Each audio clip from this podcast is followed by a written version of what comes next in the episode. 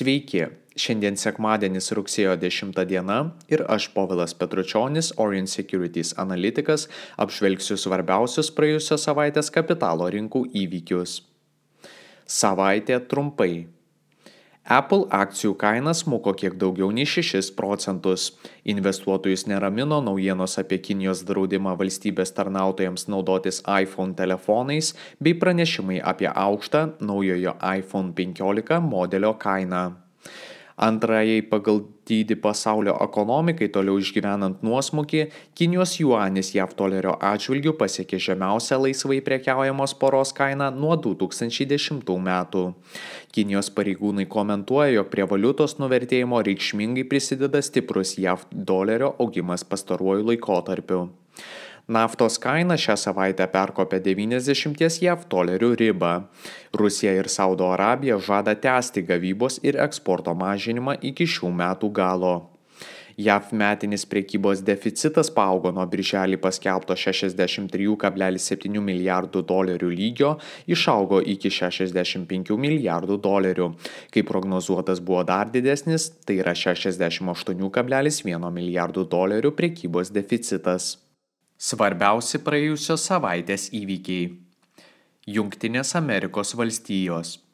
Puikios naujienos ekonomikai išlieka prastomis naujienomis kapitalo rinkoms. Šią savaitę pagrindiniai JAV akcijų indeksai krito apytiksliai 1 procentą, S&P 500 smuko apie 1,3, Nasdaq 100 apie 1,4, o Dow Jones 30 apie 0,8 procento.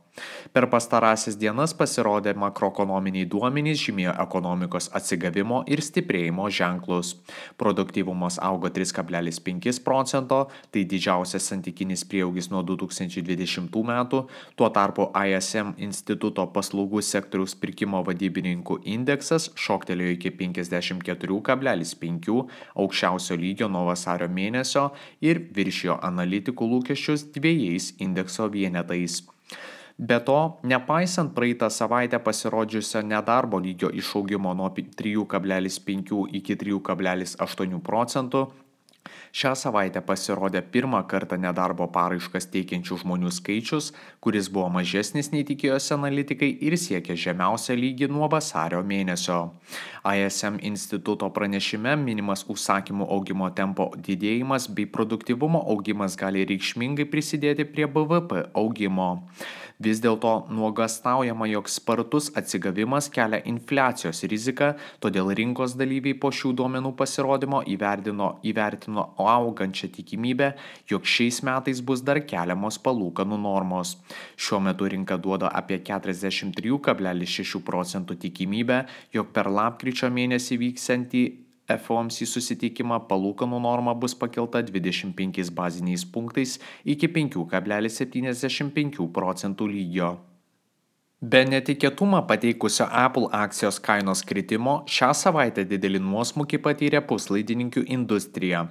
Lustų įmonės įtraukiantis Venex Semiconductor ETF fondas krito apie 3,7 procento. Didelį apie 6 procentų nuosmukį patyrė Nvidia akcijų kaina. Tuo tarpu reikšmingai išsiskyrė Intel, kurio akcijos kaina augo net 3,82 procento.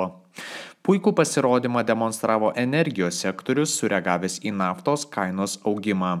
Chevron augo apie 1,77, o ExxonMobil Corporation apie 1,8 procento. Europa. Lėtas ekonomikos augimas ir silpna Vokietijos pramonė. Europos akcijų indeksai šią savaitę fiksavo neigiamą apie 1 procento prieaugį. CAC 40 krito apie 0,8, DAX apie 0,6, tuo tarpu FUCI 100 įsiskyrė ir augo apie 0,2 procento. Preliminariais duomenimis eurozonos BVP per antrąjį ketvirtį augo 1,1 procento, kuomet ekonomistai tikėjosi 3,1 augimo. Vokietijos pramonės gamybos apimtis per Liepos mėnesį susitraukė minus 0,8 procento, nors tikėtasi buvo pusės procento pokyčio. Tai yra trečias mėno iš eilės, kuomet gamybos apimtys traukiasi. Tuo tarpu Junktinėje karalystėje investuotojai pozityviai sureagavo į Centrinio Anglijos banko pareigūno pranešimą, kurio metu teigia, jog yra artėjama prie palūkanų normos ciklo aukščiausio taško. Santykinai prastą savaitę išgyveno Prancūzijos prabangos prekių vardai. LVMH krito apie 4,6 procento, Kering apie 4,5. Prastai atrodė ir Vokietijos automobilių industrijos lyderiai.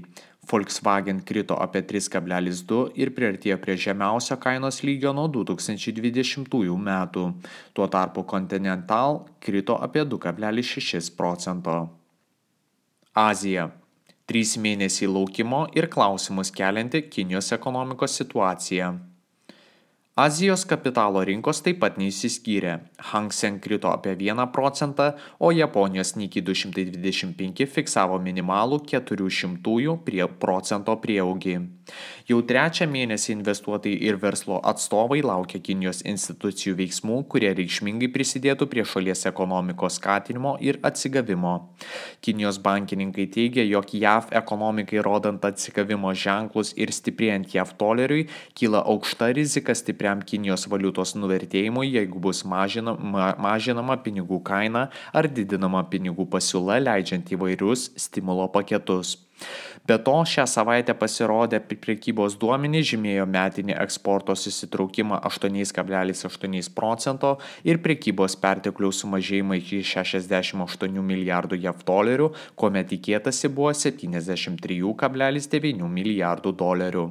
Galima paminėti, jog rūpjūčio mėnesio duomenimis šalies ekonomika nebėra defliacijos būklėje.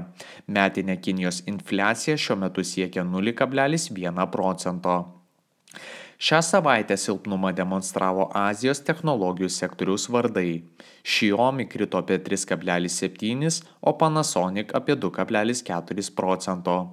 Stipriausiai atrodė energetikos sektorius. PetroChina akcijų kaina kilo apie 6,4 procento. Populiariausios savaitės antraštės. Airbnb ir Blackstone įmonės bus įtraukiamos į S&P 500 indeksą. Pranešama, jog nuo rugsėjo 18 dienos minėtos įmonės bus įtrauktos į S&P 500 indeksui priklausančių įmonių sąrašą. Abiejų bendrovių akcijų kainos į šią naujieną sureagavo teigiamai. Airbnb per savaitę kilo 9,9 procento, tuo tarpu Blackstone 7,8 procento. Rugsėjį įvyks ARM Holdings pirminis viešas akcijų siūlymas. Tikimasi, jog tai įvyks rugsėjo 13 dieną, tai yra trečiadienį. Lustų industrijos žaidėjas siekia pritraukti tarp 5 ir 7 milijardų dolerių lėšų, tai reikštų, jog įmonės kapitalizacija siektų apie 60-70 milijardų JAV dolerių. Tokios įmonės kaip Apple, Google, Intel, AMD ir Nvidia išreiškė norą tapti ARM vienais pagrindinių investuotojų. ARM Holdings pareiškė, jog akcijos įsigijimo kaina turėtų būti tarp 47 ir 51 JAV dolerio. Šiais metais JAV įmonių restruktūrizacijos ir valstybės apsaugos nuo bankroto prašymo paraiškų skaičius išaugo 54 procentais, lyginant su praėjusiu metu tuo pačiu laikotarpiu. Dauguma bendrovių susidurinčių su finansinėmis problemomis priklauso nebūtinojo vartojimo prekių ir industrijos sektoriams. Ateinančios savaitės įvykiai. Antradienį bus skelbiamas Junktinės karalystės nedarbo lygis. Ekonomistai prognozuoja, jog nedarbo lygis išauks nuo 4,2 iki 4,3 procento. Trečiadienį pasirodys mėnesinis Junktinės karalystės BVP pokytis. Prognozuojama, jog mėnesinis pokytis sieks minus 0,2 procento. Ta pačią dieną investuotojai sulauks JAV infliacijos duomenų. Analitikai tikisi, jog metinis vartotojų kainų indekso prieaugis pakils nuo 3,2 iki 3,6 procentų. Ketvirtadienį Europos centrinio banko valdyba priims, sprendimą dėl palūkanų normos. Ekonomistai sutarė, jog labiausiai tikėtinas scenarius yra palūkanų normos palikimas dabartinėme 4,25 procentų lygyje. Ta pačią dieną pasirodys JAV gamintojų kainų indekso pokytis per rūpjūtį. Manoma, jog prieaugis sieks 0,4 procento. Sekančią savaitę ketvirtiniais rezultatais pasidalins dvi IT sektoriaus milžinės. Oracle savo finansinę ataskaitą pateiks pirmadienį, tuo tarpu Adobe ketvirtadienį. Ačiū visiems klausiusiems ir gražios jums savaitės.